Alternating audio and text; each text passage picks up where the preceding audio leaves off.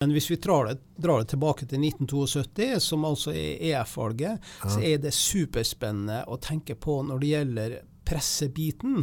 Fordi ja. at vi blir altså tredd ned over hodet at vi skal stemme, alle skal mer eller mindre stemme ja til EF. Ja. Og så viser det seg at oi, det fungerer jo ikke. Det blir jo et flertall, et nei-flertall faktisk. Og det må jo da komme som et sjokk, mer eller mindre, for pressa. Og det er jo særlig etter eh, 1972, da, i den perioden der, at man tillater andre meninger i pressa enn partipresse. Ja. Men eh, i veldig veldig mange aviser, så, som altså vi har mange Arbeiderparti-aviser, som har vært et organ for uh, Arbeiderpartiet, de var det formelt sett helt på slutten av 1980-tallet, kanskje også på 90-tallet. Men nå er vi inne på noe som er veldig interessant, nemlig ettpartistaten. That's what I'm talking about. Wait! Okay now from the beginning.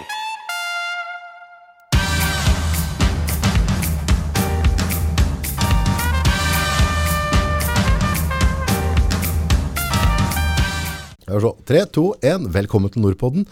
Vil bare nevne at dagens episode i podkasten er da i samarbeid med Betong Øst, som er da vår lokale ferdigbetongleverandør.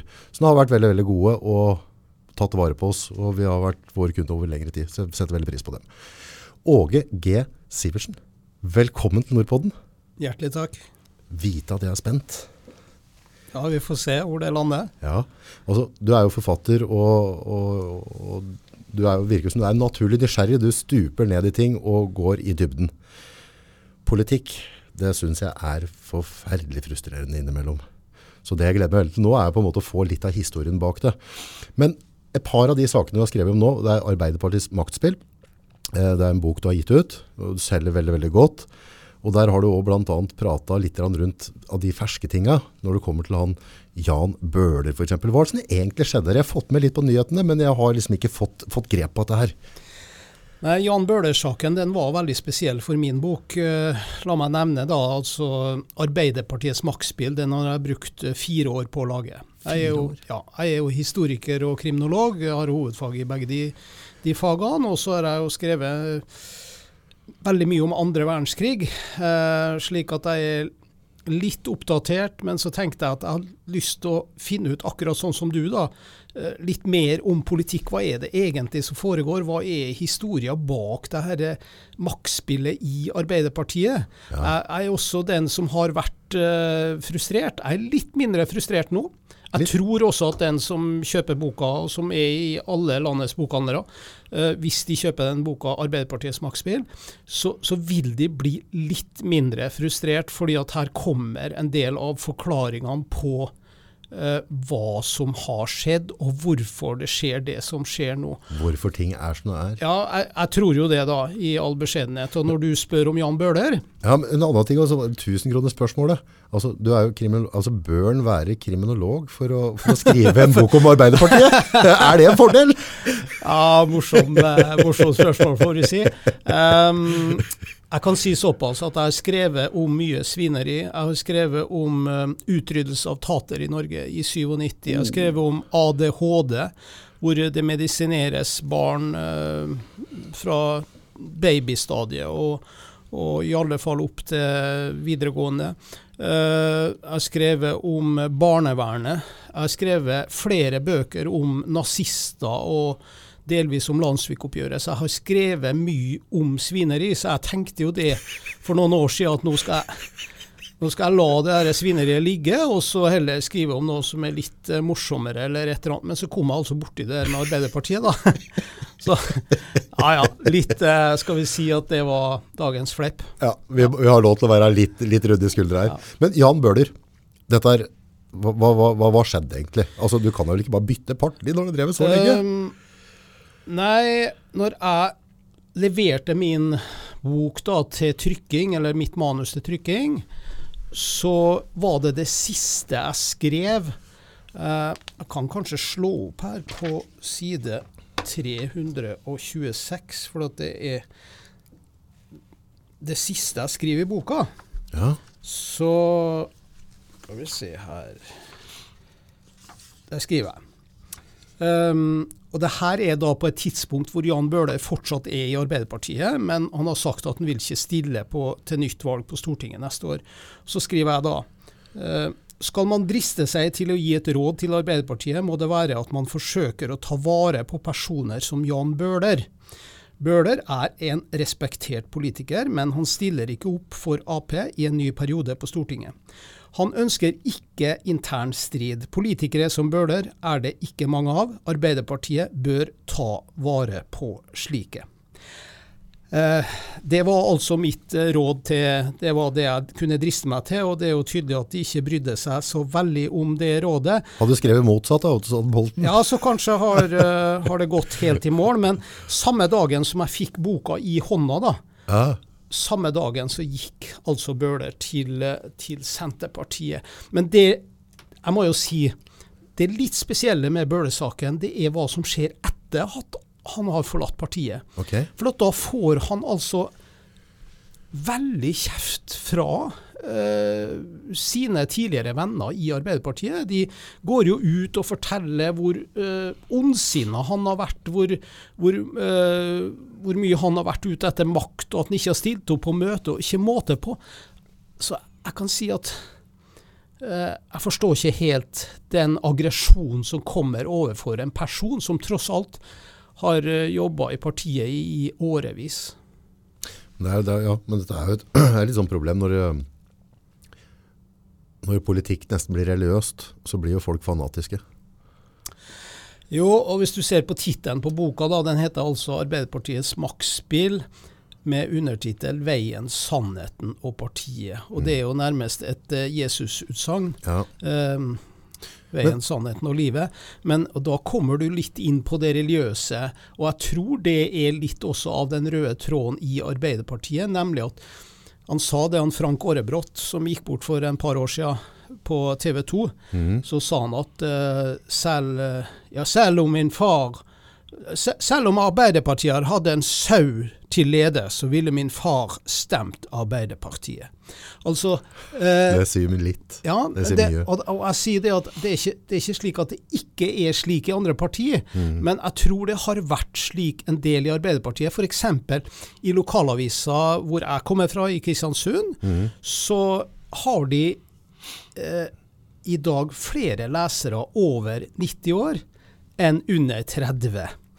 Det betyr Jo, men det her er altså og, og Det er bra sted å være optiker, dette. Ja, det kan du si, men det, det betyr jo da at uh, Tidens Grav, som uh, i tiårsvis fra oppstarten har vært et organ for det norske Arbeiderparti, er jo ikke det lenger, men det sitter igjen i veggen. Mm, mm, mm. Og uh, ja, det, det har kanskje også sammenheng med med når vi snakker om Arbeiderpartiets oppslutning. Hvis den, hvis, det er jo helt tydelig nå at den daler jo for hver måned omtrent så går, i alle fall for hvert halvår. Mm. Og det har den mer eller mindre gjort de siste, ja, skal vi si uh, I alle fall de siste ti årene. Mm. Uh, og det har jo en viss sammenheng med at det er den trygge øke massen på voksne massen som har stemt Arbeiderpartiet, men som kanskje ikke gjør det lenger. Men, men Bøhler, altså, hva var det som gjorde at, at den falt ut? Altså, for det å bytte parti så sent i en karriere, det er ganske ekstremt. Altså, altså, for, for, vi snakker jo om en trosretning eller et syn som på en måte han har brent veldig veldig for. Og hva, hva var det som, Har du noe innside på hvor, hvorfor, hvorfor sånn at nå er det bra? Nå er det nok? Uh, det er noen interne stridigheter der som helt tydelig verken jeg eller du kjenner til, og som uh, ikke kommer frem i media. Han har jo selv skrevet en bok mm. uh, uh, om hvordan hans politiske liv har vært og, og er. slik at akkurat på den saken så ville jeg jo anbefalt å, å kjøpe boka til Jan Bøhler. Mm. Men vi hadde jo han, han, eh, vår kjære venn Giske. Han har jo fått litt uvær, han òg. Uh, eh, nå kjenner jo ikke jeg personen, så jeg skal ikke, jeg skal ikke være for, for flåkjefte der. Og ikke ha nok kunnskap heller, men jeg har lest litt i boka di og, og fått med meg noe. Men der fikk jeg en sånn følelse at ok, at en Giske han, han har uh, han har, vaklet, han, har, han har drevet med ting han strengt talt altså Han har hatt en oppførsel som ikke har vært sunn, men jeg opplevde litt sånn Her var det en sånn heksejakt. Kan, er, er jeg på jordet der? Jeg skrev ganske omfattende om Giske-saken. Ja. Altså Giske Tajik Støre. Jeg kaller den, det kapitlet 'skittentøyvask'. Mm. Når det gjelder Trond Giske, så har i alle fall den saken minst to sider. Det ene er jo at han f.eks. som kirke- og kulturminister Kultur- og kirkeminister, kanskje. Ja. Um, han er noen og 40 år, 42-43 år, ja. og han, eh, han, driver og sjekker opp damer på 18 år. uh, og så er mange som sier ja, hva er gærent med det? Har han gjort noe straffbart? Han har tatt dem på lårene, har han voldtatt noen? Han har jo ikke voldtatt noen, han er ikke dømt for noe som helst. Men det er noe som heter han tafsa? Uh, det er vel bevis på det, så det er vel ikke noe tvil om det. Slik at det er heller ikke noe tvil om at den går over ei etisk grense, om ikke ei juridisk grense. Ja. Og det er en del av politikken, nemlig tillit. Mm. Fordi at selv om du ikke havner i fengselet eller blir straffedømt for noe som helst, mm. så kan du miste tillit, og du kan miste total tillit. Og da er du omtrent sjanseløs. Og når det er sagt, så skulle han jo gang på gang så skal han jo prøve å komme tilbake. Mm. Og sist nå i høst da, så, så fortalte jeg forlaget, for mens jeg var i ferd med å levere manus til trykking, så kommer den Giske-saken opp i Trøndelag, hvor han skal forsøke å bli leder for Trøndelag Arbeiderparti. Ja.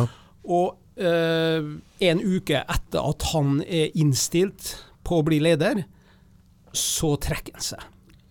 Og da, da, ba jeg forlaget om at jeg, jeg ønska 14 dager til, og så jobba jeg intens med den saken for å finne ut hva som skjedde. Og jeg må jo si det at hvis hvis det hadde vært på en andre sida av Giske-saken, mm. og jeg ville ikke at Giske skulle komme inn i politikken igjen, mm. da var det et veldig enkelt sjakkspill ja. for å få fjerna han. Jo, nemlig å skaffe til veie to-tre unge jenter som for x antall år siden har følt seg øh, ja. trakassert av Giske. Og det var jo nettopp det som skjedde. Og så kan man stille spørsmålet var det her sånn som jeg vet under hånda at Giske faktisk mener at det var? At det var et øh, jeg ser jo ene, ene uttalelsen som er i boka, så er det snakk om at han så på meg på en måte. Så, så det er sånn derre føle seg trakassert, det bør i hvert fall være med store jo, bokstaver, da. Jo, men jeg vil, ikke, jeg vil, ikke, gå inn i detaljene på det, men jeg vil gå inn i detaljene på hvordan uh, det her har foregått. Hvordan han ble først innstilt på å bli valgt, for så å uh, bli fjerna. Nemlig at, uh, at disse jentene, da, hvis de har samarbeid, om å gjøre det her, så var det så enkelt å få fjerna han fra den innstillinga. Mm. Og, og, og, Giske selv mener jo at, altså at det her har skjedd profesjonelt. At de har brukt et kommunikasjonsbyrå rett og slett for å få fjerna han. Og det vet vi, har vi ingen bevis for. Uh, men uh, Er det noen sånne kom kommunikasjonsbyråer i Norge som driver med sånne saker? Et av kapitlene i boka, den, eh, det heter det handler om First House. Ja. Og uh, det handler om uh, en veldig dramatisk sak i 2010 mm. i Tromsø, hvor Arbeiderpartiet må ha flertall. Dvs. Si, Troms Kraft mm. må ha flertall i en spesiell sak fra Arbeiderpartiet mm. for å få lån 2,2 milliarder. 2,2 milliarder, folkens. Altså det, er, det, er ikke små, det er ikke vekslepeng. Nei, så det her er en big case i Tromsø, og det er kanskje den uh, verste politiske skandalen som har vært i Tromsø ever. Mm. Og det som skjer der da, det er at Jan Erik Larsen, som er en del uh, av eh, First House, han tar kontakt med Troms Kraft. Mm. Og um, for å gjøre den historien veldig kort, så får de faktisk overtalt medlemmer i kommunestyret av Arbeiderpartiet til å si ja til den avtalen, slik at prosessen kan gå igjennom. Dette, den prosessen her har du gått veldig dypt i i boka. altså hvis du på en måte leser det, altså Da får du med deg og Det er som i hvert fall det, det jeg satt igjen med etter å lese dette, er bare oi, oi, oi, oi, dette er altså Dette, altså, om du ikke klarer å bevise på en eller annen måte som folk ble satt i fengsel, så du hadde jo et nøkkelord i stad, det er tillit. Og tillit til våre politikere er veldig, veldig viktig. Uh, og det syns jeg som på generelt, altså om Giske er klåfingra eller glor på en eller annen måte, og du, altså, jeg skjønner at folk mister tillit der, og det er fullt forståelig. Men jeg har liksom ting med, med, med Stoltenberg og ting som jeg på en måte sett nyheter rundt der, som gjorde at jeg mista all type respekt og ikke minst tillit til han i på en måte type små handlinger han har gjort før, som jeg viser at den mannen der har ikke moralsk kompass, etter mine evner å fatte. Selv om han ikke har drevet tafsa på, på 18-19 år gamle jenter, så har han også gjort en del andre, han har vært involvert i en del saker som jeg syns ikke altså, Det er så dumt, for jeg vil ha tillit til våre politikere. Jeg vil at de skal snakke på en måte som vi får tillit. Når du først nevner Jens Stoltenberg, da, så um, Han Støre òg, det. Ja, men hvis vi holder oss til Stoltenberg, så har vi jo en sak eh, med, med Jagland, mm. hvor han faktisk i sin bok 'Min historie' mm. Jens Stoltenberg skrev en bok som kom ut i 2016, mm. hvor han avslører hvordan han går bak ryggen på Jagland. Ja. Han innrømmer det i boka. Det har Jagland også skrevet nå i en eh, biografi da, som han kom ut med for noen uker siden, men jeg har detaljert beskrevet det her, hva som skjedde når de i Det her var vel i 2001-2002. Ja. Eh, hvor altså eh, Det var livsviktig for Jens Stoltenberg å, å bli lederen av Arbeiderpartiet og bli den kommende statsministeren. Og det var et ledervalg som de måtte, de måtte velge da, mellom Jens Stoltenberg eller Jagland. Eh, og så sammenkalle en eh, tre-fire muldvarper, hvor Jonas Gahr Støre er til stede. Eh, Jan Erik Larsen er til stede, og Bjarne Håkon Hansen er til stede. Og de tre de eh, lekker da negative ting om Jagland til pressa. Og det her innrømmer eh, Jens Stoltenberg at han ikke har vært med på, men han kjente til det. Mm. Han var jo med på det. Så, så ingen god sak uh, for Jens Stoltenberg akkurat der. Uh, Nei, jeg, jeg syns det er litt trist. For det er, det er våre folkevalgte vi snakker om. Og, og, det er, og, det er, litt om den der tilliten, det moralske kompasset. Jeg tenker Idet du sitter som politiker, så, så, kan vi faktisk stille litt større krav til dem enn om nettopp gjør av meg og deg, som er på en måte vanlige borgere. Fordi du tar et tillitsverv. Ja, men jeg er ikke så sikker på om du kan stille enda større krav til dem. Nei, det ser ikke sånn ut.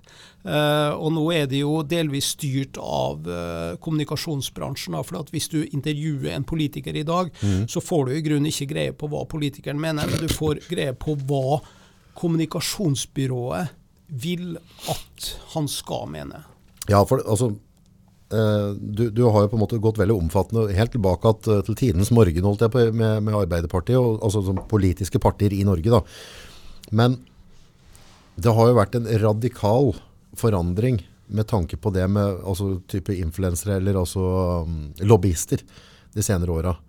Uh, og det er litt sånn gøy å se de kontrastene. altså på en måte Eh, at kanskje maktspillet Før så kunne kjøre et mer brutalt maktspill, og du ble ikke sett i korta. Det var, alt lå ikke ute på nett. Og så har du kommet liksom til et sånt punkt der, der, eh, de ikke kan drive med bøllevirksomhet. Eh, og så har de snudd dette over, og så sitter det sånne lobbyister som egentlig jeg føler ikke jobber for meg og mine barn. Det er penger Eller altså, jeg vet Nei, altså. Jeg skal ikke være konspirasjons... Det er ikke det jeg vil, men jeg, jeg syns noe av det jeg ser Eh, det lukter ikke godt. Eh, jeg kan fortelle litt om historien fra bunnen av. Ja, det er viktig, for skal vi forstå hele, så må vi begynne, neder, altså vi begynner på grunnstena. Hvor kommer grunnstena av? I boka som ligger i bokene nå, som heter 'Arbeiderpartiets maktspill', som jeg har brukt fire år på å skrive. Eh, den starter med Martin Tranmæl og med Arbeiderpartiets eh, grunnleggelse i 1887. Mm. Uh, til å begynne med, hvis vi tar noen tiår sammen her, frem mot uh, andre verdenskrig, frem mot 1940, så er det etter hvert gutteklubben Grei som styrer Arbeiderpartiet. Det er altså Martin Tranmæl som er den mest sentrale personen. Mm. Så har vi Einar Gerhardsen som er Martin Tranmæls kronprins. Så er det Håkon Lie som kommer sterkt inn i bildet, og etter hvert eh, også Jens Christian Hauge. Men de tre første, samt noen Uh, enkeltpersoner til, de møtes veldig ofte på hytta til Einar Gerhardsen, Kristi rolighet. Uh, det betyr Arbeiderpartiet styres av, og etter hvert Regjeringa styres av uh, disse få folkene, et oligarki. Det er de som er på hyttetur. Det, det, det her må man skille mellom de som får være med på hyttetur, og de som ikke får være med. Så f.eks. Trygve Bratteli var aldri inne i varmen der. Det betyr at vi starta altså med gutteklubben Grei, kan du si, med at noen av oss har snakket sammen. Det er ingen tilfeldig setning, sitatet der. Men så kommer vi over til 1945 og perioden, storhetsperioden til Arbeiderpartiet, 45 til 65, hvor de har uh, flertall alene, bortsett fra tre-fire uker i 63. Uh, her utvikler dynastiet seg. Ja. Nemlig Einar Gerhardsens familie, det er Verna Gerhardsen som sitter sentral i Oslo-politikken. Det er broren Rolf som sitter sentral i Arbeiderbladet som, uh, som, som journalist og, og, og, redigerer avisa. Det er andre slektninger av Einar Gerhardsen. For en maktelite! Ja, altså det, til og med Konrad Nordahl uh, reagerte på det her, og også Håkon Lie. Ja. Men her har du dynastiet som Torbjørn Jagland etter hvert eh, blir så kritisk til, fordi at det dynastiet her fører videre til eh, Gudmund Halem, mm. eh, Gro Halem Brundtland. Vi har eh, Jens Stoltenberg eh, gjennom Torvald Stoltenberg. Og, og det her ville Jagland ha en slutt på, slik at det har nok prega eh, den det her er den røde linja i Arbeiderpartiet. Han Gerhardsen, jeg vet ikke om det stemmer, men jeg mener jeg hørte et eller annet sånn utsagn rundt det. For til å begynne med i Norge så hadde vi da på en måte Veiavgifta var en luksusskatt for de få som hadde biler. og så etter hvert så begynte det å bli allemannseie. Så ble dette tatt opp, og så ble det sagt at nå kan vi egentlig bare avskaffe dette, for det er jo et nødvendig ånde nå i Norge. Og så hadde han uttalt at det er viktig å, å, lære det norske folk til at de skal venne seg til å betale avgifter. Så vi kaller dette en veiavgift. Så det var egentlig ikke noe godt poeng for å ha den, men poenget var at det norske folk skulle lære seg å betale avgifter. Ja, eh, Hersketeknikk, vet du. Jo, eh, jeg skriver jo ikke detaljert om akkurat det, men det jeg skriver om, det er Du skal være klar over at i den perioden fra Martin Tranmæl eh, overtar makta i Arbeiderpartiet. Eh, han går jo inn som, som generalsekretær i 1918, eh, og han er med å styre Arbeiderpartiet fra den tida og frem til at partiet blir splitta i 1923. Da var det en splittelse? Ja, da, det kommer først en splittelse i 1921, hvor det sosialdemokratiske Arbeiderpartiet blir stifta, og så Eh, da blir de delt i to, og så kommer den store krasjet, da kan du si, hvor Norges kommunistiske parti blir stifta i, um, i 1923, hvor det er Sverre Støstad som blir formann i Norges kommunistiske parti, og, og Arbeiderpartiet omtrent blir delt i to. Det er vel um, Skal vi se uh, Det var 110 representanter på det møtet som var på høsten uh, i november, jeg mener det var 4. november i, i 1923, hvor de reiser seg opp, synger Internasjonalen, og de går altså ut av rommet. Uh, og da starter Norges kommunistiske parti. Men da skal du være klar over at det som du snakker om avgifter osv., eh, her er det et klasseskille som er ganske stort. De har virkelig Martin Tranmæl, eh, Konrad Nordahl, eh, Einar Gerhardsen, Håkon Lie. De har virkelig saker å fighte for. De, de kjemper jo for eh, arbeidernes rettigheter, for lønnssystemet som er altfor lavt. De kjemper for sosiale rettigheter. For, da var det utnyttelse av arbeidsfolk på den tida? Ja, ja, ingen tvil om det. Vi snakker om titimersdagen. Så, så snakker vi om åttetimersdagen. Slik at her var det kamper uh, for å få uh, ja, bedre lønninger og bedre kår for ansatte. Vi går enda lenger tilbake i tid hvis vi ser litt historisk på det her. Jeg kommer altså fra Nordmøre i Kristiansund, hvor vi hadde Fiskberg. Der var, fikk man samme lønna på slutten av 1800-tallet hvis man jobba på Fiskbergbanen, eh, som man gikk på Fattigkassen. Kanskje litt dårligere.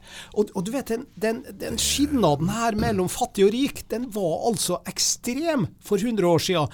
Derfor så hadde virkelig Arbeiderpartiet mange gode kampsaker som eh, var viktige. Ja, som var veldig viktige. Mens vi i dag så snakker vi om veldig, veldig mange forstår jo ikke forskjellen, ser jo ikke forskjellen på f.eks. For Høyre og Arbeiderpartiet. Nei. Så på den tida der, De hadde sin plass, og de gjorde et godt stykke arbeid for Norge i den tida også. Uten tvil, uten tvil. Det som var som man kan kritisere i den perioden, men som man kan forstå ved å lese den boka som jeg har skrevet, da, som uh, fortsatt heter 'Arbeiderpartiets maktspill'. Ja. um, det er jo antimilitarismen. Ja, hva det er for noe? Den, den skjønte jeg ikke helt. Den fikk jeg ikke, fikk jeg ikke grep på. Nei, Det handler jo om hvordan Arbeiderpartifolk, eh, ledere i Arbeiderpartiet, hadde så veldig imot det militære. Okay. Det man skal være klar over da, det er i 1905, når vi blir en selvstendig nasjon, mm. så hadde vi i utgangspunktet ingen naturlige fiender. Det var ikke noe, det var, det var, det var ikke noe sånn stor fare for en ny Vi var ikke redd russere på den tida eller noen ting? Liksom. Vi var... russerne var vi ikke redd. De var, de var veldig dårlig stilt uh, i den perioden der. Vi, var, vi, hadde et godt forhold til Tyskland, vi hadde, vi, vi hadde, et godt forhold til England. Vi hadde til og med et godt forhold til svenskene etter at uh, den, den, perioden var over, da, fra 1814 til 1905. Slik at vi hadde ikke noe ytre fiende. Men det vi hadde, vi hadde altså en indre fiende. Og den indre fienden det var, Vi hadde nemlig et, et militære også den gangen. Ja. Og det militæret vi hadde, det var brukt mot den indre fiende. For at det alle var livredde i den perioden der, hvor det ikke var Arbeiderpartistyre i Norge. Ja. Det var en, en revolusjon. Og den frykta man både i England, i Tyskland og ikke minst også i Norge. Å, Så vi var redd vårt eget militær? Ja, fordi at uh, nå har vi flere datoer her når det gjelder oppbevaring av våpen. Ja. Det utrolige er at i 1918 så blir det altså beslutta å dele opp våpnene med sluttstykkene skal lagres én plass, og resten av våpenet skal lagres en annen plass. Allerede da? Ja, allerede da. Og det skjer altså Den sikkerhetskomiteen som blir oppretta i februar eh, 1918, den har delvis som oppgave altså å sørge for at disse våpnene blir splitta, da, fordi at man er redd for en revolusjon. Sivile våpen vi snakker om også?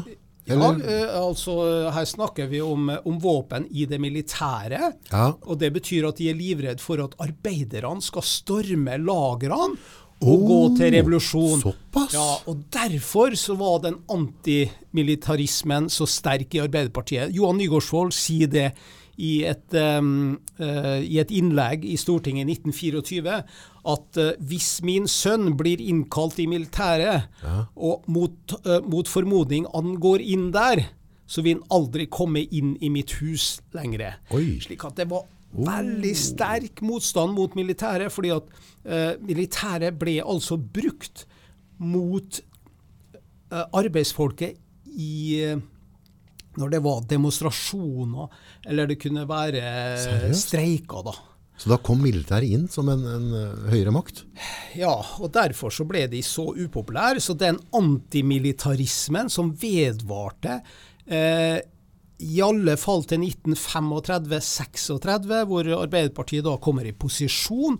Og så må de da endre innstillinga si på det her, for da er jo snakk om at vi nødvendigvis må forsvare landet. De var ikke så redd for en indre revolusjon, selvsagt, når de, når de selv styrte landet. Eh, men problemet var jo, som veldig få vet, da, og da kan jeg kanskje legge inn litt reklame for en annen bok som jeg har skrevet, nemlig, nemlig 9.4.1940, ja. 'Et varslet overfall'. Mm. Og blant annet så handler det om når 9.4.1940 kom, og det ble såkalt alminnelig mobilisering, da, selv om det skjedde etter ja, det skjedde jo per brev, uh, merkelig nok. Uh, så det gikk jo tre-fire dager for, for uh, før soldatene ble innkalt. Men når de først ble innkalt, så var det veldig mange steder i Norge hvor våpnene ikke var tilgjengelige. Fordi at sluttstykket lå en plass, og resten av våpenet lå en annen plass. Så det kaoset har altså sammenheng med det som jeg skriver om eh, eh i den 9. april-boka, nemlig i 1918 så ble det nedsatt en komité som beslutta det her, og så ble det sendt ut brev til alle eh, distrikter i hele Norge, eh, hvor man fikk beskjed om å lagre våpnene på denne måten. Og det systemet fungerte faktisk også i 1940. Yes. Så kommer, Hvis vi hopper hopper, litt, da, og så hvis vi går, går, eh, fem år fram i tid, og så, da begynner det å skje ting som, som jeg brenner veldig for. Jeg, altså jeg brenner vanvittig for det frie ord, ytringsfriheten, og at alle skal få komme til bordet. Og nettopp sånn som deg kan få lov til å skrive bøker uten å bli trua på livet. Altså at, at, på en måte at, vi, at vi har det frie ordet i Norge. Men etter vi på en måte slapp unna tyskere i 45, så skjedde det jo ting rundt det med nyhetsbildet og hvordan ting ble dekt i Norge. Og det har jo påvirka oss egentlig helt fram til nå i dag. Eh, men kan du fortelle litt til lytterne liksom, hva, hva, var det som skjedde rundt der, og, og hvordan ble den makta fordelt? For, for den mediemakta fra 1945 og oppover, den har jo vært enorm. Um, ja, Vi kan jo starte med det som jeg kaller statsministerkuppet i 1945. Ja, takk. Um, det som skjer, det er at i 1941, i, i perioden 1941-42, allerede så tidlig, så står det i en bok som Trygve Lie skriver. Han skriver en bok i 1957 som heter 'Hjemover'. Uh, der står det at de har planlagt å overta makta når eh, krigen er slutt. Og da skriver han i boka at vi skulle først prøve å få Pål Berg, som var antatt en venstremann, mm. eh, til å bli statsminister. Men hvis det ikke gikk, så skulle de eh, gi muligheten til Einar Gerhardsen.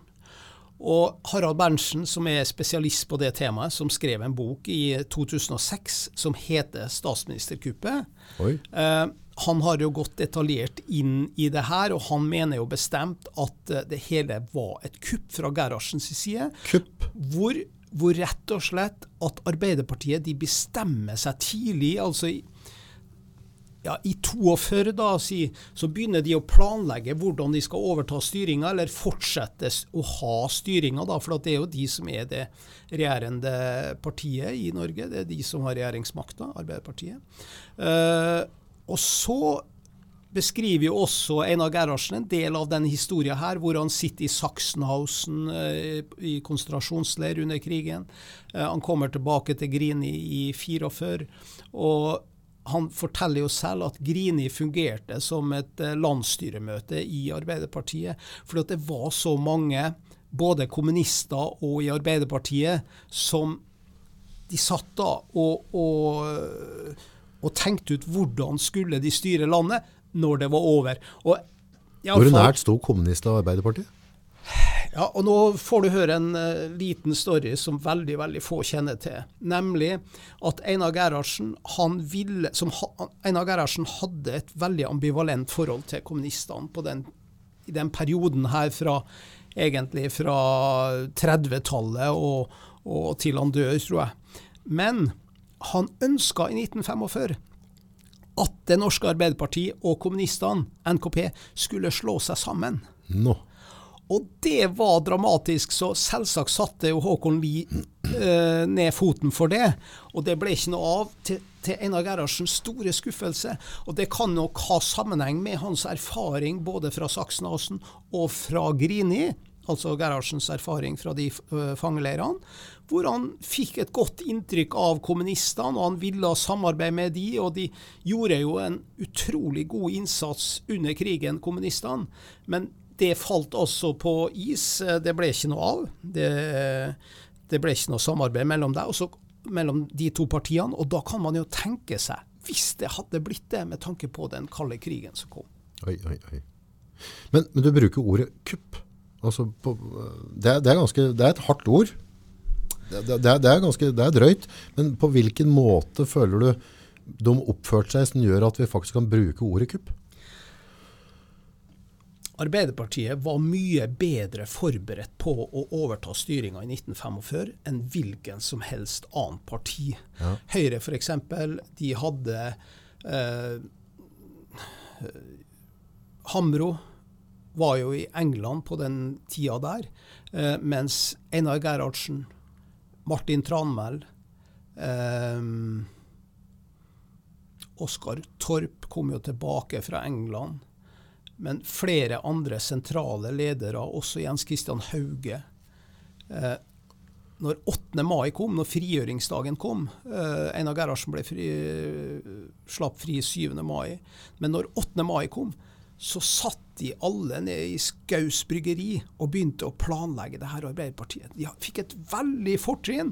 Og så kan du også si at mange av folkene i Arbeiderpartiet de var jo motstandsmenn. Og, og, når du tenker på Det var helter? Ja, absolutt. Og det er Einar Gerhardsen, eh, Trygve Bratteli. De har sittet altså i, i, i, i fangeleirer under store deler av krigen, så det er klart at de kom hjem som helter. De hadde jo ingen Vanvittige influensere, vet du. Ja, ja, de hadde jo ingen utdannelse utover folkeskolen, disse folkene. Men herregud, de var veldig dyktige, altså. Og de hadde den, den eh, bakgrunnen som de skulle ha i 1945, i motsetning til en del fra Høyre, eller for å ikke snakke om Bondepartiet, mm. hvor, som, som, hadde sympatisert da med, med Tyskland. Ja, for, for vi, vi, det, det, er viktig å huske på etterkrigsåra. Eh, og det å være lokalhelt, altså være en av dem, altså det var veldig veldig, veldig tungtveiende. Vi hadde veldig behov for å ha de frontfigura. Eh, det blir på en måte som, eh, som de største Hollywood-stjernene. Nå i dag da, så ble på en måte de de heltene, dem som har støttet inn i dem som har jobba mot tyskere, dem, dem, hadde en helt egen posisjon. Og det, det er rettferdig òg, for de har gjort et godt stykke arbeid, og de sto opp for landet sitt. Så, men, men for en makt. Det er alltid et menn. Og et av de mennene som er ganske stort, det skriver jeg om i, i boka om Arbeiderpartiets maktspill. Ja. Eh, nemlig Einar Gerhardsens lefling med, med tyskerne. Ok, lefling med tyskere? I august 1940. Einar Gerhardsen forsøkte å samarbeide med tyskerne. Ja, han la frem sin egen plan. Jeg har vært i arbeiderbevegelsens arkiv og funnet brev som han har sendt eh, til tyskerne for å få til et samarbeid. Og Han var jo ikke alene om det. Han ble støtta av Trygve Bratteli, som også ønska det samme. Og da skal vi ikke glemme at på det tidspunktet så er det Tyskland som er den store seierherren. Det er de som er eh, Man antar omtrent at Tyskland vil vinne verdenskrigen. Altså, de hadde jo mm-hmm. pløyd over Danmark. De hadde eh, Du kan si i under første verdenskrig så brukte Tyskland og Frankrike fire år på å kjempe en kamp som ingen av de vant, da, bortsett fra at Tyskland tapte. Ja, ja. eh, hvis man kan si det på den måten. Men under andre verdenskrig så brukte altså uh, Tyskland fire-fem uker på å legge Frankrike under seg. Ja, så de var så sterk en nasjon eh, militært at eh, de fleste ville egentlig samarbeide med tyskerne. Ja, for, men da har du det spørsmålet pest eller kolera. da. Så, altså, jeg, jeg, kan jo se for mye i sånn forhold med landssvikere eller altså, dårlig, dårlig handlekraft under, under, krigen. Så ser jeg det og i mange tilfeller så er det jo Eh, tvilssituasjoner. Altså på en måte Folk skal ha brød i matboksen, de skal ut på jobb. Altså Noen, noen tenkte liksom Vi må òg leve i den perioden her. Ikke glemme det ø, overskyggende her, nemlig at Danmark de overga seg etter noen minutter. Norge var jo i ferd med å gjøre det samme når de flykter ut, når regjering og storting flykter ut av Oslo. Også det militære forlater Oslo. De forsvarer jo ikke Oslo. Og de forsøker å få til en ordning med tyskerne. Ja. Men når uh, Adolf Hitler da forlanger at Quisling skal være Norges leder etter at en fred eventuelt uh, innordnes, ja. da sier jo selvsagt kong Haakon nei. Og det sier selvsagt også den norske regjering. Og da var det ikke noe tema å samarbeide for regjeringa lenger. Så da måtte man bare fortsette kampen, eller krigen. Mm. Men så var jo mange andre aktører som forsøkte å samarbeide med tyskerne. Mm. Deriblant eh, Einar Gerhardsen. Og hvis det hadde kommet frem i 1945, at han forsøkte å samarbeide med tyskerne, så hadde ikke han blitt statsminister og vår landsfader. Nei, da, da, da hadde han vært sluttseilt har vært game over. Ja. Men fra 45 utover, altså det ble jo Mye av landets presse lå nede, bortsett fra Aftenposten, som hadde helt klart vært veldig tyskervennlig på den tida der, og kanskje slapp altfor billig unna etterkant, har vi visst. Eh, de skulle vært bøtelagt mye hardere, men de hadde jo et konkurransefortrinn. Men da ble det på en måte, eh, hvis jeg forstår rett, altså type bevilgninger gitt ut til statsstøtte til presse. Og det har jo påvirka tida vår veldig, har den ikke det? Ja, men den statsstøtta kom nok eh, på et senere tidspunkt, fordi at like etter krigen så hadde Arbeiderpartiet den fordelen at de hadde en del um, trykkeri som var i drift. De hadde en del produksjonspresser okay. som var i drift, fremfor uh, de borgerlige som, uh, som, ikke hadde det. Og de hadde muligens også penger til å sette de uh, som ikke var i drift, til å komme, komme i gang. du skal ikke glemme at den ensige pressa eh, etter 1945, eller for så vidt også før den tid, den, den, den var jo slik på begge sidene. Det var ikke bare Arbeiderpartiet som hadde sin A-presse, men de borgerlige hadde også sine aviser. Og eh, når vi først er noe så nær Hamar, da, så er det jo Hamar Arbeiderblad. Faktisk, enten du vil tro det eller like det eller ikke, så er det altså de som er først ute med å ta imot de har en, eh, en, en, en, side som heter På den annen side. Så de tar altså imot I 1969 så tar de imot innspill fra et annet politisk eh, synspunkt da, enn hva Arbeiderpartiet For det var egentlig uhørt før den tida der. Så Arbeiderbladet i Hamar dem var kanskje litt banebrytende? Da, ja, de var faktisk... pionerene, men nå er jeg jo ikke helt sikker på om om de har vært like flinke de neste 50 årene da, eh, og fulgt opp, det, det, blir en annen sak. Men det var altså Hvis man tar EF-valget eh, e i 72 ja, Dette skjønner jeg ikke, det EF-valget. Men der var det altså slik at storparten av arbeiderpressa de gikk jo inn for at man skulle si ja til EU, ja, eller EF da, som det het den gangen. Og, og, det ville også ledelsen i Arbeiderpartiet.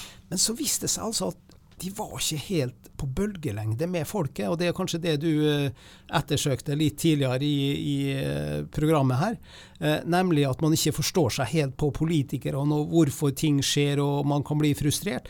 Det var et godt eksempel på at pressa altså ikke kunne styre et folk.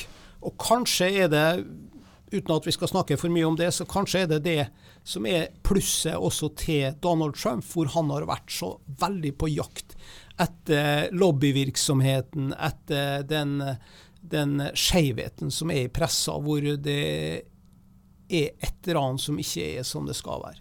Ja, for Det, det ser en jo i forhold til den Tromsø-saken du skriver om. Hvis du leser den, den, det avsnittet der, så der er jo presse helt klart et nøkkelverktøy.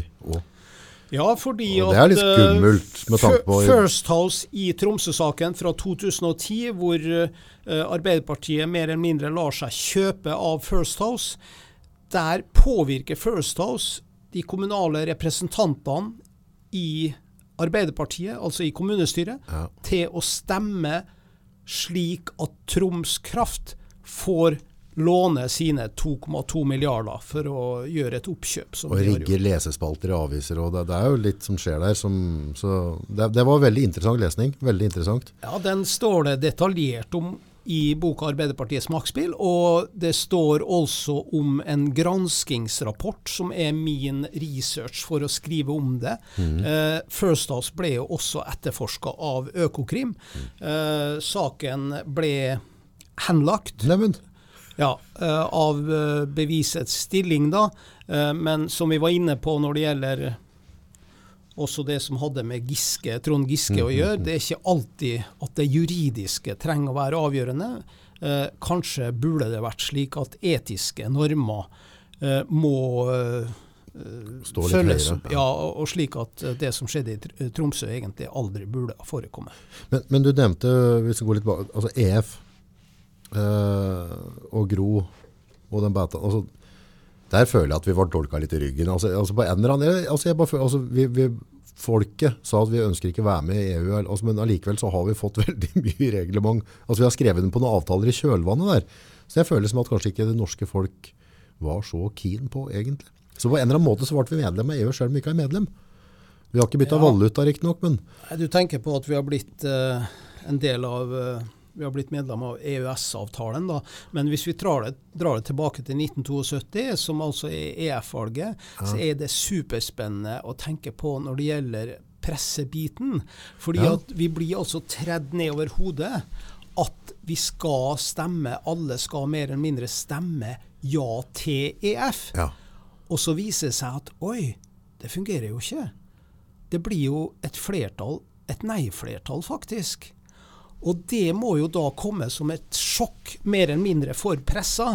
Og det er jo særlig etter eh, 1972, da, i den perioden der, at man tillater andre meninger i pressa enn partipresse. Ja. Men eh, eh, i veldig veldig mange aviser, som altså vi har mange Arbeiderparti-aviser som har vært et organ for uh, Arbeiderpartiet, de var det formelt sett helt på slutten av 1980-tallet, kanskje også på 90-tallet.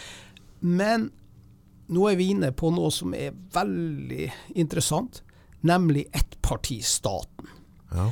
Den, eh, det var Jens Arup Seip som holdt et foredrag eh, i september 1963, hvor han hevda at eh, all makt er ikke lenger i Stortinget men de er hos Arbeiderpartiet, fordi at de hadde flertall. Ja. Og nå er diskusjoner om det stemmer eller ikke, men det som jeg er overbevist om stemmer, og som jeg skriver om i den boka som jeg har skrevet da, som heter 'Arbeiderpartiets maktspill', der skriver jeg om ettpartisamfunnet som fortsatte selv om Arbeiderpartiet mista makta i 1965 til Per Borten. Ja. Nemlig f.eks. Eh, i fylket her, mm. så var det mange kommuner som hadde Arbeiderpartiet så, i, i, flertall. Og det var det også i landet, mer eller mindre. Uh, skal vi se på det tidspunktet, så kan jeg tenke meg at vi hadde rundt øh, øh, I dag så har vi 360 kommuner ca. På det tidspunktet så hadde vi i underkant av 500 kommuner mm. på 60-tallet. Ettpartisamfunnet, det fortsatte det med en arbeiderpartistyring i veldig, veldig mange kommuner. Og med det, de konsekvensene som kommer av det, nemlig har du partiboka i orden. Ja, for den partiboka, det, det vi prata litt rann, uh, før vi gikk på lufta her. Også, jeg husker jo, nå er, ikke, nå er, jeg jo 43, men jeg husker da jeg var yngre, så var det et vanlig uttrykk. Du må ha partiboka di i orden, gutt. Altså Har du ikke partiboka i orden, så når du ikke fram. Da kommer du ikke til å få gjennom byggesaker på samme måte og ditt og datt. Og det, det var en greie eh, fra gammelt av som, som, som, lå helt oppe i daglyset. Altså. Det var ikke noe tvil. Det var en eh, politikontroll eh, på 60-tallet eh, på Nordmøre hvor de ble stoppa for å sjekke bilen. da. Og Da fikk de spørsmål om å vise vognkortet og partiboka. Eh, men eh, jeg har ikke skrevet om akkurat den saken i boka, for jeg har ikke fått researcha den eh, godt nok. Men det som jeg har researcha, det er at i enkelte kommuner så fikk du f.eks. ikke lån i banken hvis du ikke var medlem av Arbeiderpartiet. Det, det skjedde, det skjedde i, i, Årdal kommune, som var en veldig sterk uh, Arbeiderpartikommune. Er det alvorlig nå, eller? Det er helt alvorlig, selvsagt. Det er jo alvorlig ja. hele tida, tror jeg. ja. um, så uh, kan, ja, men så kan du si at det er ikke sikkert det var så unaturlig akkurat det. fordi at hvis en bank, sånn er det også i dag, hvis du, hvis, du, hvis du, drar til banken og sier at du skal låne penger, så spør jo banken ja, hvilken jobb har du? Ja. Og hvis du ikke har jobb, så får du ikke lån i banken. Nei, nei, nei, og hvis du ikke stemte Arbeiderpartiet, så fikk du jo ikke jobb i Årdal kommune. Så det hang jo sammen. Det hang i Hoppes, ja. ja. Du var en utrygg kandidat. Ja, så det var ett eksempel. Et, mm, mm. et annet eksempel um, stammer også fra Nordmøre, det stammer fra Kristiansund. Og det var i 1964 hvor eh, byen hadde fått ny svømmehall. Og så skulle de utlyse, eller de utlyste en stilling da, som badevakt. Og um, de fikk jo inn en drøss av søkere, bl.a. en som hadde vært nordisk mester i svømming fra Nord-Norge. Men den som fikk stillinga, det var da en kristiansunder som hadde partiboka i orden. Men han kunne ikke svømme. Kunne ikke svømme. Og så ble han ansatt som badevakt.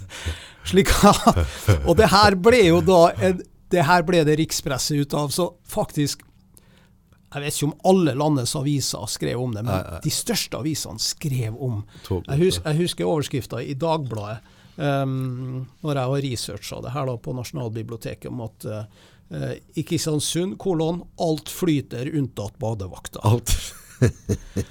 så bare for å ende akkurat den saken, så trakk han seg, han til slutt, da, han som fikk stillinga. Og han var ikke medlem av Arbeiderpartiet, men han hadde kontakter i den retning som gjorde sitt til at jo, jo, men vi skal nok ordne jobb til deg, for at du sympatiserer jo med Arbeiderpartiet. Det her var to gode eksempler på som viser at man måtte ha partiboka i orden. Mm. Uh, og, og, jeg tror jeg kunne nevnt 100 eksempel, ja. Og kanskje enda flere. Og jeg er ikke noe tvil om at uh, disse forholdene har skjedd i hele Norge. Og jeg overlater det til en annen forfatter å finne ut av, av mer. Og så kan du stille et spørsmål om ja, men er det ikke slik samfunnet fungerer, da? Er det ikke slik, Hvis det har vært Høyre eller hvis det har vært et annet parti, har ikke de også da gjort det sånn at jo, men han er kompis av meg, men han er jo i slekt med meg, uh, han liker vi godt, han stemmer partiet. Jeg tror det er, det er et samfunnssystem som er vanskelig å komme utenom. Det som er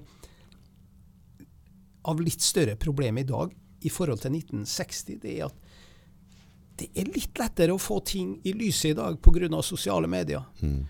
Nå ser man jo eksempler på at man kan få nyheter omtrent før de er ferdig fra styrerommet. Mm. Slik som gjaldt f.eks. Giske Tajik-saken. Ah. Der satt de jo faktisk i sentralstyremøtet, hvor ting kom i VG på førstesida før sentralstyremøtet var ferdig. altså var det enten så var det et muldvarp, muldvarp til stede i eh, sentralstyremøtet i Arbeiderpartiet, eller så hadde de jo avlytta rommet. Sjukt. Men altså, eh, i, i, boka di, da, eh, 'Arbeiderpartiets maktspill', der, så jeg syns du har vært Du har vært rød. Altså, jeg synes, du er ikke slem på måten altså, Jeg syns du, du, er faktabasert, og, og jeg føler liksom derre eh, om du stemmer Arbeiderpartiet eller ikke, det, det, jeg føler ikke at det kommer sånn syrlig fram her. Altså jeg føler at du har holdt deg veldig nøytral og holdt deg etter faktiske forhold.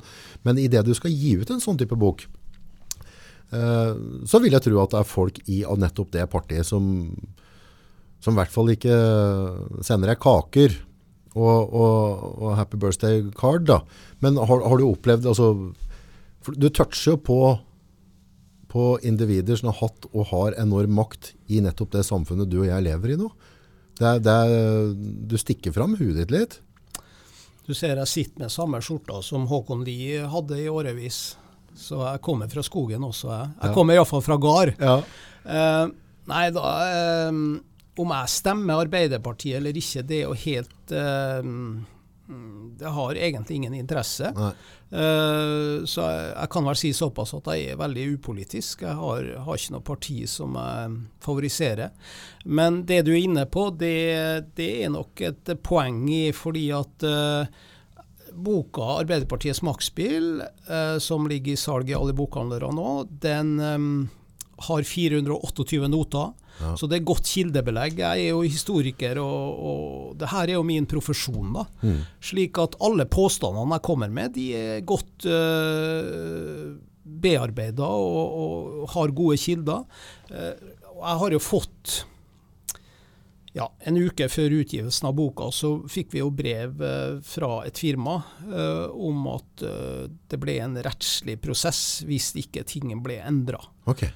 Um, jeg tror ikke jeg skal avsløre så mye mer om det enn at jeg valgte på det tidspunktet å endre noen, noen setninger.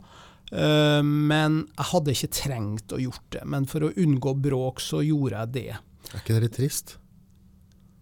For jeg føler, altså jeg, jeg, jeg opplever boka di som ikke du, du, er ikke ute på en heksejakt der. altså Du dokumenterer faktiske forhold.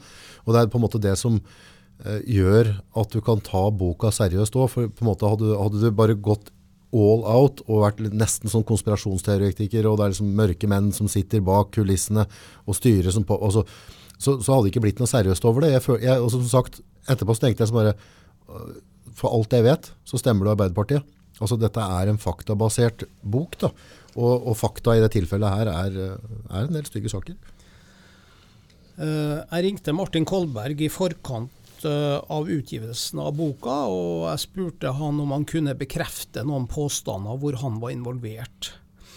Og jeg må jo si ganske typisk da, så kunne han ikke bekrefte de påstandene. Og så sier jeg kan du avkrefte påstanden? Nei, han kunne heller ikke det. Og det illustrerer litt eh, problematikken når jeg har skrevet boka, for det har ikke vært så lett å få en del Arbeiderpartifolk i tale.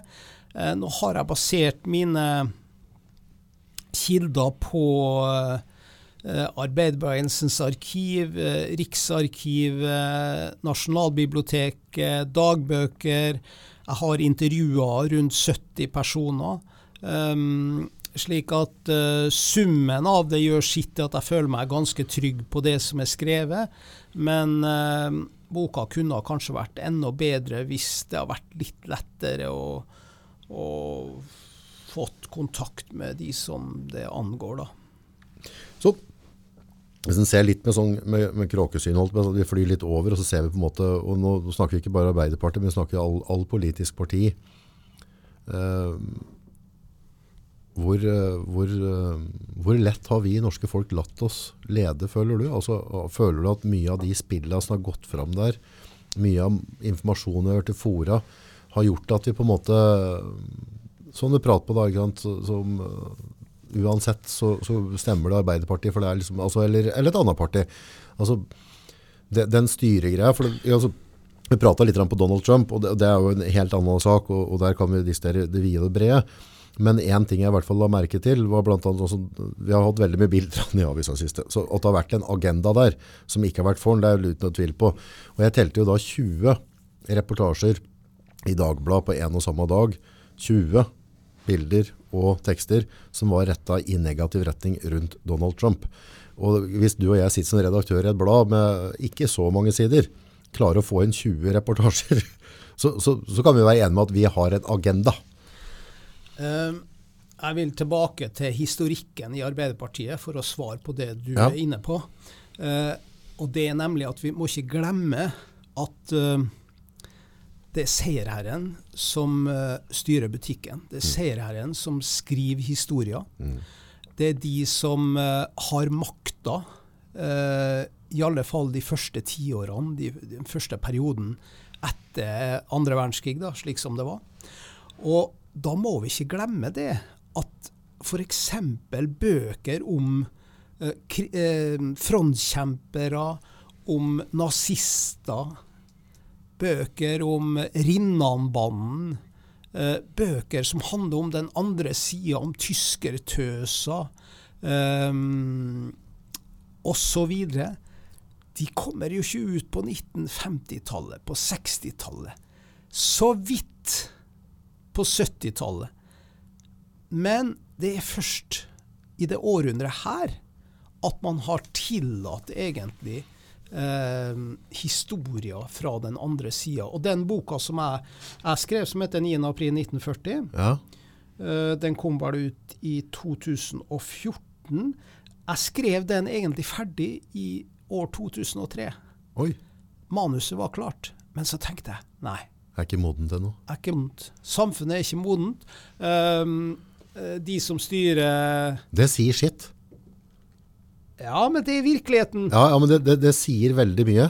Altså, eh, ta Landsvik-oppgjøret, da, som jeg mener ennå ikke har fått sine bøker. Ja. Eh, det har vært eh, den første som skrev en bok om Landsvik-oppgjøret. Det var Johs Andenes, det. Eh, I 77, det vanskelige oppgjøret. Ola Karlsen, Ja, han han har har vært i podd her og prata litt om det, og det er veldig interessant. Eh, men det er Ingrid Hagen eh, skrev en bok i 2009 som handla om Landsvik-oppgjøret. Eh, og det har jo nok vært skrevet eh, om, om eh, avisoppgjøret, om det økonomiske oppgjøret osv. Men landssvikoppgjøret For når det gjelder Landsvik-oppgjøret, så eh, Jeg inviterte Jeg jobba jo i radioen i ti år i NRK. og Jeg satt som programleder for, eh, for et historisk program hvor, hvor vi snakka om andre verdenskrig. Og da inviterte jeg forfatter Kjell Fjørtoft. Ja. Han er død nå. Uh, han skrev gode bøker som ble lest veldig mye. Uh, Magnus Godvin, som har styrt norsk krigshistorie, uh, hovedsakelig fra 45 til i alle fall 80-tallet. Eh, ikke bare han, da, men elever av Magnus Godvin. Han var jo utrolig dyktig, og jeg hadde et veldig godt forhold til Magnus Godvin.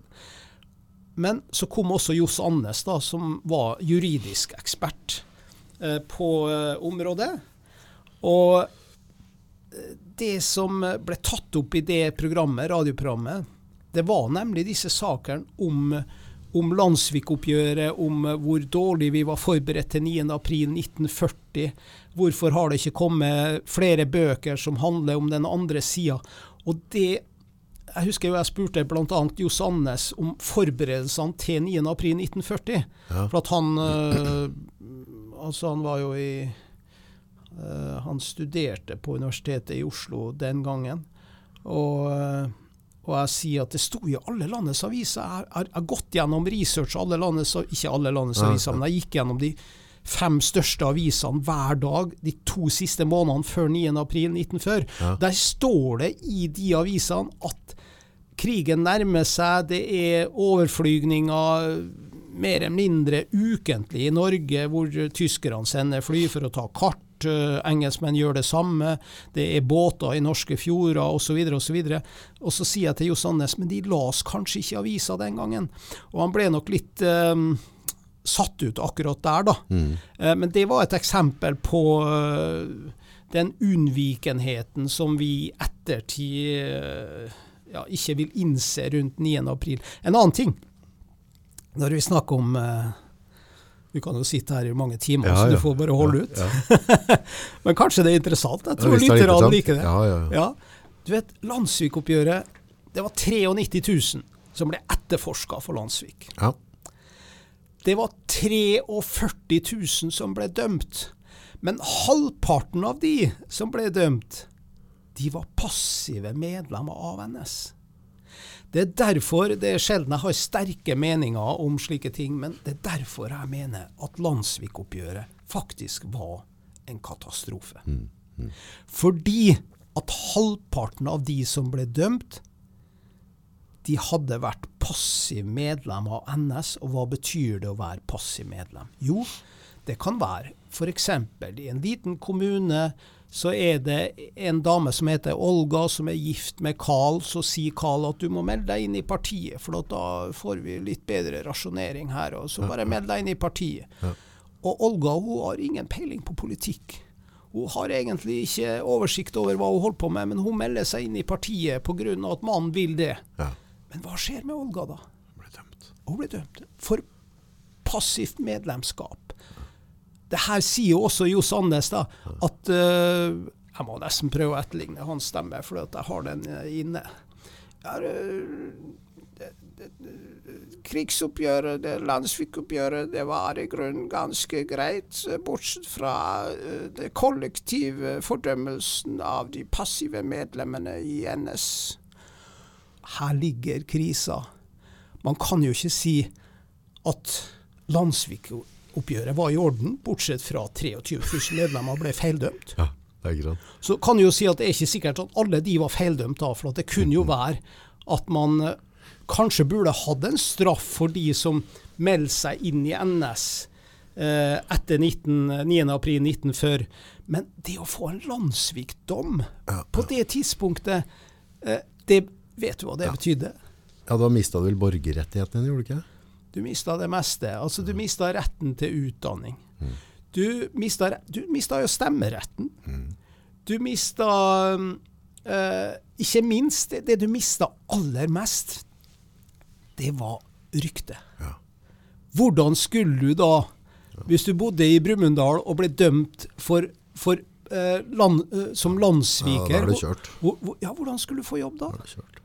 Og Det som er jo liksom det, det fryktelige der, syns jeg, og sånn der, sånn Norsk Hydro, de kara der, eh, som helt klart har vært landssviker og benytta seg av slavearbeidere fra andre land. Eh, sendt pengegraver til Quisling like etter krigen starta eh, og, og gaina vanvittig med summer. Mye av de kara der solgte seg ut allerede på 70-tallet og hadde milliardoverskudd på det. Til og med USA sendte da en forespørsel til norsk regjering. For da skulle USA betale noen penger til Norsk Hydro. Og så mente de pga. at de hadde connection til andre ting som har skjedd i Europa, både Frankrike og Tyskland. Og så at dette, her, dette er jo kanskje landssvikeri, og så får de da et skriv fra regjeringa. Nei, de penga kan dere betale. ikke sant? Og så det, det var mange store aktører som realiserte sine store drømmer med, med, med Adolf og hans militære system. Var det 120 000 straffarbeidere i Norge som kom fra andre land? Og en av dem kom fra, var det fra Malta eller et eller annet. Altså jeg tror han, han fikk liksom derre knapper og glansbilder i år 2000 eller noe, og fikk en sånn betalt for ulønnet straffarbeid. og Det var snakk om liksom 18 000 Deutsche Mark eller noe. Det var helt, helt krise. vet du. Og så går vi på tyskertøsene, vi går om på de passive medlemmene. Og så på en måte henger vi, akkurat som det er bare sånn, Noen må dømmes for å vise at vi har hatt et oppgjør. Men dem som da på en måte har partiboka i orden eller har, har sine kontakter, dem slipper. Og det er en stygg sak. Jeg tror nok ikke det var nok å ha partiboka i orden, så der må man uh, ha et klart skille. Tror jeg. jeg tror ikke det var partipolitisk uh, egentlig i hele tatt når det gjelder akkurat det. Men det er en sak der for de som var tyskerarbeidere, ja. de som jobba for tyskerne, sånn som f.eks. Værnes flyplass. Vegvesenet. Ja, den ble jo da bomma eh, tidlig i, i krigen. Eh, men mens f.eks. Kristiansund ble bomma 28.4, den ble bomma i tre-fire dager. Jernbomma. Mm. Og det var fra fly som kom fra Værnes flyplass. Og hvordan var det mulig å komme fra en flyplass som var bomma? Jo, det var jo over eh, Jeg tror vi snakker om en 150 000 tyskerarbeidere til sammen. da. Ja. Som altså tok seg arbeid for tyskerne mens krigen pågikk, til og med. Og da har du den eh, Da kan du se hvor urettferdig det var hvis du da ble dømt for landssvik som passivt medlem av NS, mens en som jobba for tyskerne og fikk betaling mens krigen pågikk, for at den pågikk i alle fall i to måneder. Jeg lurer på om det var en av dem som kanskje ble ordfører i Bergen. Nå, ikke ta meg på ordet der, for nå snakker jeg ut av ræva som vanlig. men men produserte da type lemmer som de la ut på flyplasser, som de tyske flya. Og det skjedde ganske, ganske tidlig, og han endte vel opp som en ordfører etterpå. Men han tjente òg noe penger. Bergens Damskipsselskap, de seila jo opp og ned kysten for tyskere i et spennarenn. De var til og med inne aktivt og med, med slepekjøretøy og drog opp uh, kjøretøy som sto fast. Så det, det, var mye som skjedde der, men noen av dem ble ikke berørt etter krigen. Og, det, det er sånn og jeg syns det er litt sånn spesielt. så er det sånn der, Mange prater på liksom at Ofte så var det kvinnene etter krigen, og, det, og hvis en ser ned i Europa med alle voldtektene og all den skiten som skjedde etterpå, som var de store tapene. Og det var veldig mange tyskertøser som egentlig kanskje ikke var så slemme, men dæven noen fikk, og voldsomt, og de unga fikk etterpå. Så det var jo en, sånn der, en, en, en, sult i det norske folk for at noen skulle straffes. Men så var det noen som slapp unna på magisk vis. Uh, det vi kunne ha gjort uh, hvis jeg fikk lov å komme tilbake i studio igjen, så, klart. så, ja, så, så kunne vi snakka mye mer om det temaet som vi er inne på nå. For det handler jo den, om den boka 9.4.1940. Ja. Og der er ganske mange tema som er veldig interessant. Uh, nå var jeg fortrinnsvis invitert for å snakke om Arbeiderpartiets maktspill, men jeg kommer jo borti litt av det her også i den boka, så det, mm. det er ikke helt uh, irrelevant. Og særlig med tanke på hvem er som styrer landet, hvem er, hvem er styresmakten? Og, og, vi snakker om har du partiboka i orden? Det gjelder jo selvsagt ikke bare for å få en jobb, det kan være uh, for å, for å, lykkes i hva som helst. Det kan jo være at du har en, en bestemor et, uh, som skal inn på et sykehjem, da, og hvis ikke du har partiboka i orden, så, så er det ikke sikkert du har uh, uh, ja, at du, at du, får henne inn på, på, sykehjemmet. Men som jeg sier, og som har sagt og, og kan gjenta, altså det, det, er et samfunnssystem så vi, ikke, vi må være forsiktige med å ja, ja. fordømme for mye. fordi at plutselig så er det altså et annet politisk parti som sitter med styringa. Det er jo nå, det, vi har jo en borgerlig regjering, så det er jo ikke noe sikkert at det er så mye bedre i, Men, i, den delen der. En av de tingene som jeg, som jeg, har veldig, som jeg ikke har klart liksom, også fått, uh, fått enda til å gå på rekke og rad, og det er jo de lobbyistene. Hvordan, hvordan er det det Klarer du å forklare meg det på en måte, hvordan er det det systemet fungerer rent teknisk, rent moralsk, og når er dette kom? Når er det vi fikk dette i Norge? For det, altså det, er liksom, det, er så rart, for vi velger politikere som skal på en måte bestemme ting, og så viser jeg at det er lobbyister i bakgrunnen som kanskje sitter med noe for mye makt. Da. Og Det kan du se på andre nasjoner. Når vi går til USA og sånne ting, som kan i hvert fall jeg oppleves som en litt sånn usunn, usunn måte å drive politikk på.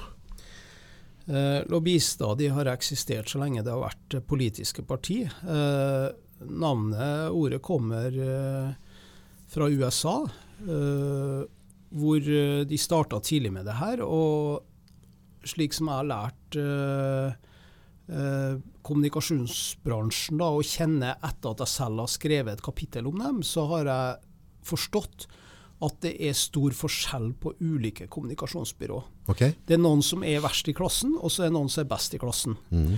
Og så har jeg også forstått at det faktisk er nødvendig å ha en form for lobbyisme. Så det er nødvendig? Det er nødvendig, men jeg mener at uh, en del av uh, den virksomheten som foregår, den er på grensa til å være kriminell.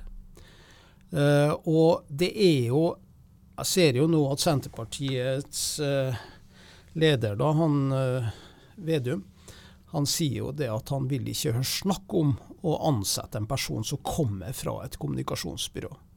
Mm. Um, mens derimot andre partier er jo veldig offensive på det her. Uh, men er det mange sånne selskaper? Altså er, er dette legitimt? Altså Hva, hva, ja, det, hva tjener de på det, og hvem betaler de penga? Tydeligvis absolutt legitimt. Kommer det, fra skattekronene våre til syvende og slutt? Liksom? Nei, det gjør det vel ikke. Fordi at um, Ja ja, det, det, kan du jo ja, ja. Det kan du jo vurdere, men uh, det er jo dyrere å oppsøke First House eller Kruse Larsen eller uh, Geir Myden Kise, tror jeg Eh, det er dyrere å oppsøke dem enn å få en advokat.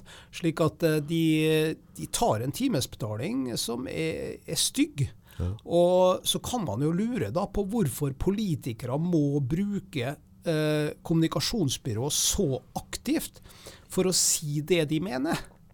Det er, det, akkurat på det feltet så er det litt i grenseland. Vi hadde jo den f.eks. Hurtigrutesaken som har vært nå, versert i, i, i vår. Ja. Der de har hatt First House som kommunikasjonsbyrå. Og for å rydde opp i Ja, og du kan jo si at det har jo vært en sanne katastrofe. så Jeg vet ikke eh, regninga for hva de har betalt, men her har de jo i tillegg fått råd som, som umulig kunne ha vært gode. Cover-up, rett og slett. Prøve å rydde opp, eller ja. Men La, Larsson, der, Larsen, det, det, er et navn som kommer igjen ganske ofte. Han dukker opp litt her og der. Ja. Det er en aktiv kar. Kruse Larsen er et annet kommunikasjonsbyrå. og Jan Erik Larsen er jo en av stifterne der. Han kom fra First House, men han slutta i First House etter at han var sentral i den saken som var i, i Tromsø i 2010, hvor granskinga var ferdig i 2013 eller 2014. Da starta han sitt eget eh, kommunikasjonsselskap. Og det er klart at Hvis du har jobba sånn som han var jo statssekretær for eh, Jens Stoltenberg, og hvis du har jobba for Jens Stoltenberg, så, så, sitter du da med en CV som er veldig bra, og som og er interessant. Og så, ja, så kan du, hvis du hvis eller du ringer du, på Stortinget for å få kontakt med enkelte politiske ledere, så kan det hende at jeg tror Jan Erik Larsen også kommer gjennom litt raskere enn både meg og deg. Så det, det, er det de på en måte Det er de kommunikasjonsselskapene, det er rett og slett mennesker som har veldig god kontaktflate, har, har en, en, bra fortid, altså type CV-messig, som har da muligheten til å få ta de telefonene som du og jeg ikke kan ta. Da. At, altså de, de, de kjenner folk Altså Det er rett og slett nettverksbygging, er det det? Ja, det er nettverksbygging. Og det, da kommer vi jo inn på det som sannsynligvis er min neste bok, da, ja. som handler om lobbyvirksomhet, nettverksbygging. Um, fordi at um, det som tidligere var, som vi snakka om, gutteklubben Grei, eller dynastiet Gerhardsen, eller Brundtland eller Stoltenberg, det er nå i ferd med å gå over til å bli kommunikasjonsbyråene som muligens er med å styre rett og slett landet og politikken. og det, her, er, her er vi ute å kjøre. Har du, har du, flere saker der du vet liksom sånne kommunikasjons byråer har vært dypt inne i sånn type kalde skandaler? Eller? Altså? Ja, hvis vi skal eh, Nå er jeg litt tidlig ut med den, eh, den boka som jeg nevner, men eh, planen er å skrive om rundt 15 saker som er langt over grensa, og så får vi se om det er slik vi vil, vil at samfunnet skal fungere. Det, det må jo bli upopulært å skrive slik? Ja, jeg husker han um, Ole Paus eh, han ble invitert av Lindmo i 70-årsdagen sin, og så sier hun Lindmo du, du, du, du, Ole Paus, du har visst ingen venner. Nei. Og da sier han Ole Paus at uh, hvis jeg har noen små, må det være en, en glipp. Nei, Jeg har nok uh, mange venner, men det blir jo noen flere uvenner etter hvert som tida går. da, og For hver bok som kommer ut, kanskje. Men, men kanskje blir flere venner. Men det, det foregår sivilisert? på en måte, Du føler ikke at du blir pressa? Um, for det vil alltid være noen som ønsker å, å, å, å ønske andre til å tie. da. Og det, det, er liksom der jeg blir så stolt av journalister, forfattere, som gidder å stå i det og ikke lar seg pirke på. da, At de bare sier ok, ja, det får bare være. Nå, nå, er jeg ute etter sannheten, og da skal skal jeg skrive. Jeg får banke i bordet nå, men eh, det har jo gått brukbart så langt. Det kommer jo en del ubehagelige mailer og, og brev og telefonsamtaler innimellom. Eh, men stort sett så har det gått bra, og så tror jo ikke jeg at det er så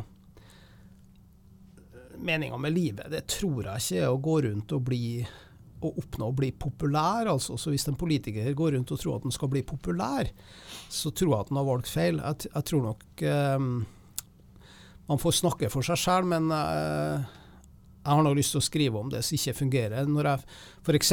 skrev om utryddelse av norsk tater, hvordan systemet Det hadde vært en interessant pod. Ja, uh, jeg er klar, jeg, vet ja. du. Uh, altså hvordan systemet tvangssteriliserer 500 taterjenter. Uh, F.eks. jeg var jo inne i 200 journaler da, og fikk sjekke ut hva som hadde skjedd. F.eks. en jente som blir henta fra landeveien.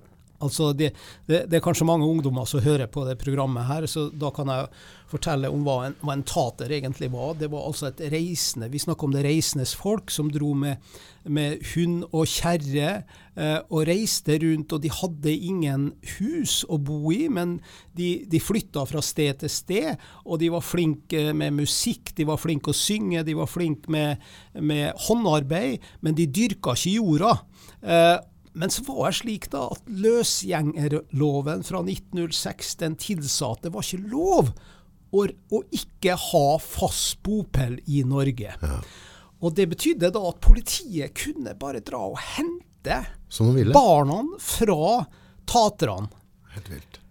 Ja, det skal jeg love deg var helt vilt. Altså, Landssykeoppgjøret blir barnemat i forhold. Og for eksempel da, så ble jo disse barna satt på barnehjem. Og når de kom på barnehjem, så står det i en av journalene at hun lå og onanerte dag etter dag etter dag, så vi måtte sterilisere henne. Hørte noe så dumt. Ja, ja. Men det her er jo bare ett av de, alle disse eksemplene som jeg nevner i min bok fra, fra 1997. Altså en helt en tragedie, kan du si. Ja, dette, er, dette er stygg historie. Jo, men det er en del slike historier som vi kanskje ikke har så lyst til å snakke om, og som ikke er så veldig kjent i Norge, og som som, du vet, vi... Men Er det ikke viktig å snakke om den stygge historien som ikke historien gjentar seg? Nå har jeg brukt en del år på akkurat det, så jeg, jeg, svarer jo ja på det. Men jeg husker jo at Gro Harlem Brundtland i en eller annen statsministertale eh, på 90-tallet, vel, eh, hun sa at det er typisk norsk å være god. Og hvis man går rundt og tror det, så er man litt ute å kjøre. Det er Skummelt? Ja, altså det, det er bra å være god. altså jeg er jo personlig motivator for en del ungdommer. og Det å være best er jo fantastisk, det. Men, men man må være ydmyk og, og forstå at, uh, at det finnes flere, flere sider av en sak. Ja. Det er jo det, det, det, med flere sider av en sak og tørre å stå i det, det, det er jo noe vi må på en måte forholde oss til her i, i Nordpod nå. For jeg er veldig, veldig klar på det at eh, ytringsfriheten den er til å brukes. Uh, og jeg ønsker liksom ikke å regulere uh, ut av eget syn hvem gjester jeg skal ha inn. Uh, men her har vi liksom, vi har, vi har ikke noen tung redaksjon som sitter og avgjør det kan du prate om, det kan du ikke prate om. Men jeg er òg veldig klar over at ved et eller annet tidspunkt da, så kan jo du og jeg nå sitte og prate om ting som kanskje noen der ute er veldig veldig uenig i, som da ønsker å stikke noen kjepper i hjula i etterkant. Fordi ved å nettopp la folk som deg, da, som graver etter sannheten, få ordet, Eh, så, så, høster det noen fiender underveis, men jeg tenker ok, det, det, er, det er, en greie vi tar, den tar vi på skuldra hos her i Nordpoden, og så, vi, så, tenker vi ytringsfrihet. Eh, jeg tror det er veldig viktig, og det, det, er jo det som er det store skillet nå med sosiale medier, med type podcaster og sånne ting. Du får mye mer ufiltrert. Det sitter ikke en redaksjon og bestemmer hvilken spørsmål jeg skal stille, hvilken jeg ikke skal stille deg, og hvilken ting vi skal klippe ut. For jeg kommer ikke til å klippe ut noe av det du sier, uavhengig om jeg er enig eller ikke enig. For det tenker jeg at det kan lyttere få lov til å bestemme sjøl. Vi har altså intelligente lyttere, intelligente mennesker i Norge. Og dem kan få lov til å ta sine egne avgjørelser på hva de ønsker å tro eller mene, ut ifra den informasjonen vi deler med dem. Jeg tror jo at det som har blitt sagt uh, mellom oss uh, på lufta her, ikke er av injurerende karakter. Det som er injurerende, det er faktisk det som eh, konsekvensene av det vi har snakka om, om den historia som har vært. Ja. Hvis Jens Christian Hauge, som var, etter mitt skjønn du vet, Hvis du tenker på hvem har vært mektigst i Norge etter 1940, mm frem til 80-90-tallet, så vil de fleste si ja, selvsagt Einar Gerhardsen. Mm. Men noen vil kanskje si Håkon Lie. Mens jeg er ikke i tvil om at det var Jens Christian Hauge. Eh, og når vi er inne på det med injurerende, altså om vi kan si ting eller gjøre ting som er straffbare, så gjorde faktisk han en del ting som han burde vært straffa for den gangen. Rene straffbare forhold? Ja, ja. Helt, helt, opplagt. Og det skriver jeg om i den boka som heter 'Arbeiderpartiets maktspill', som kan få kjøpes i alle bokhandlere i dag i hele landet. Uh, 'Veien, sannheten og livet' er Nei, og partiet, unnskyld. Det var Jesus som kom inn i, ja. i bildet et lite øyeblikk.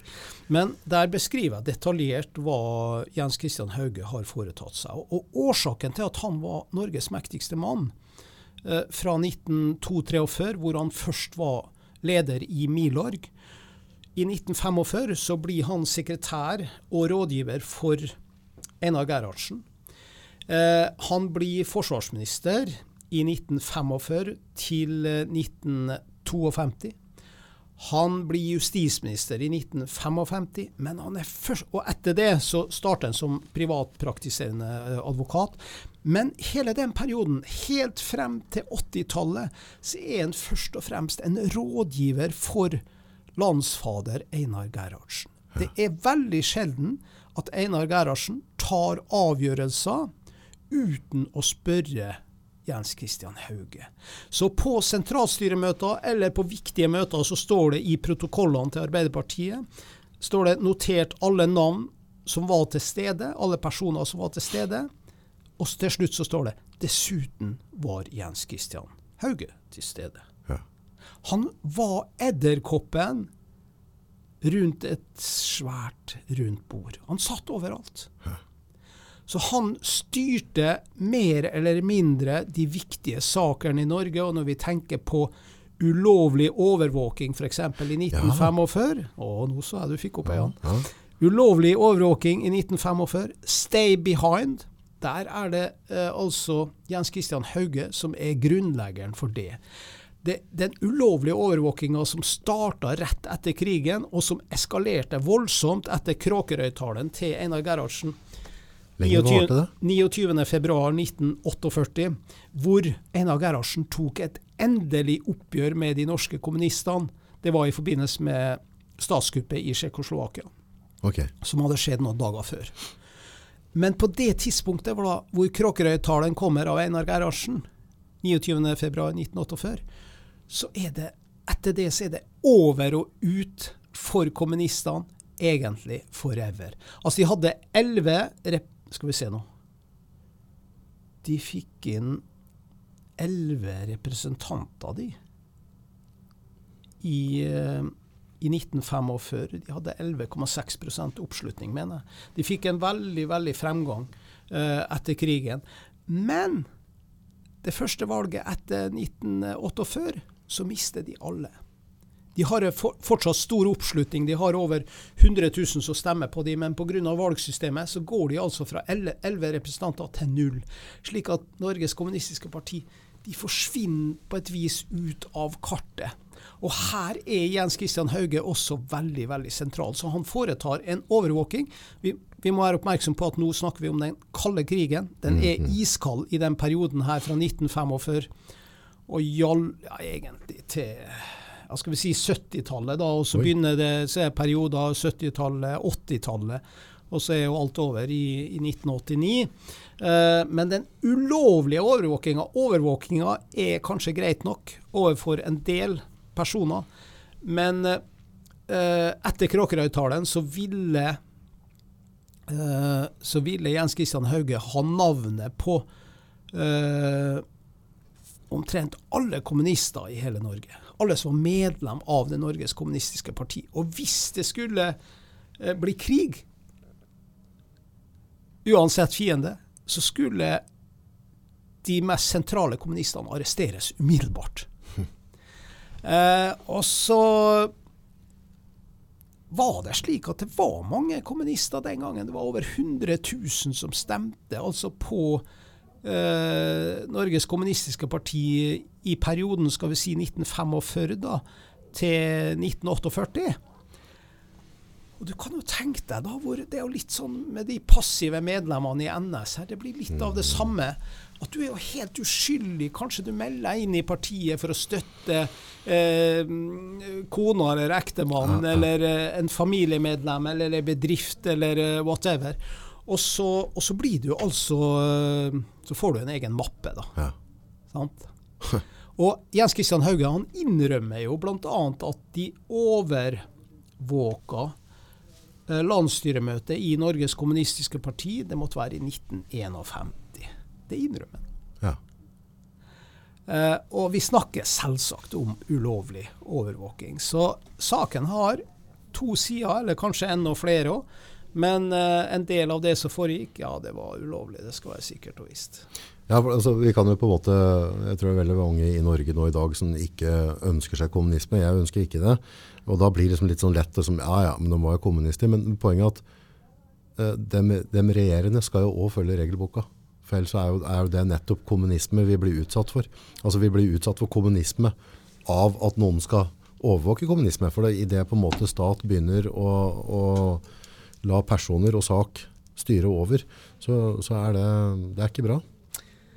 Det er et sitat her som står på klaffen i min bok, 'Arbeiderpartiets maktspill', eh, som er mm, skrevet av Hans Gelmøyden, som er styreleder i Gelmøyden Kise. Han skriver, etter å ha lest manus, så skriver han forbedring starter med at noen får makt, og tilbakegang med at noen får for mye makt så også for Arbeiderpartiet i Norge.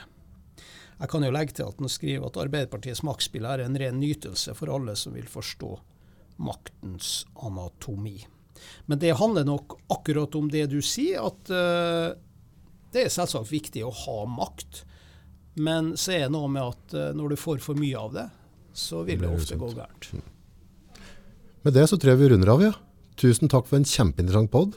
Dette setter jeg pris på.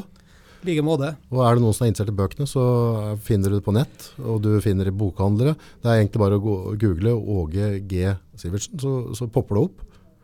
Ja, eller man kan uh, søke inn på phoenixforlag.no, fonixforlag.no, så kan man kjøpe direkte boka der. Mm. Men uh, tusen takk for at jeg fikk være med.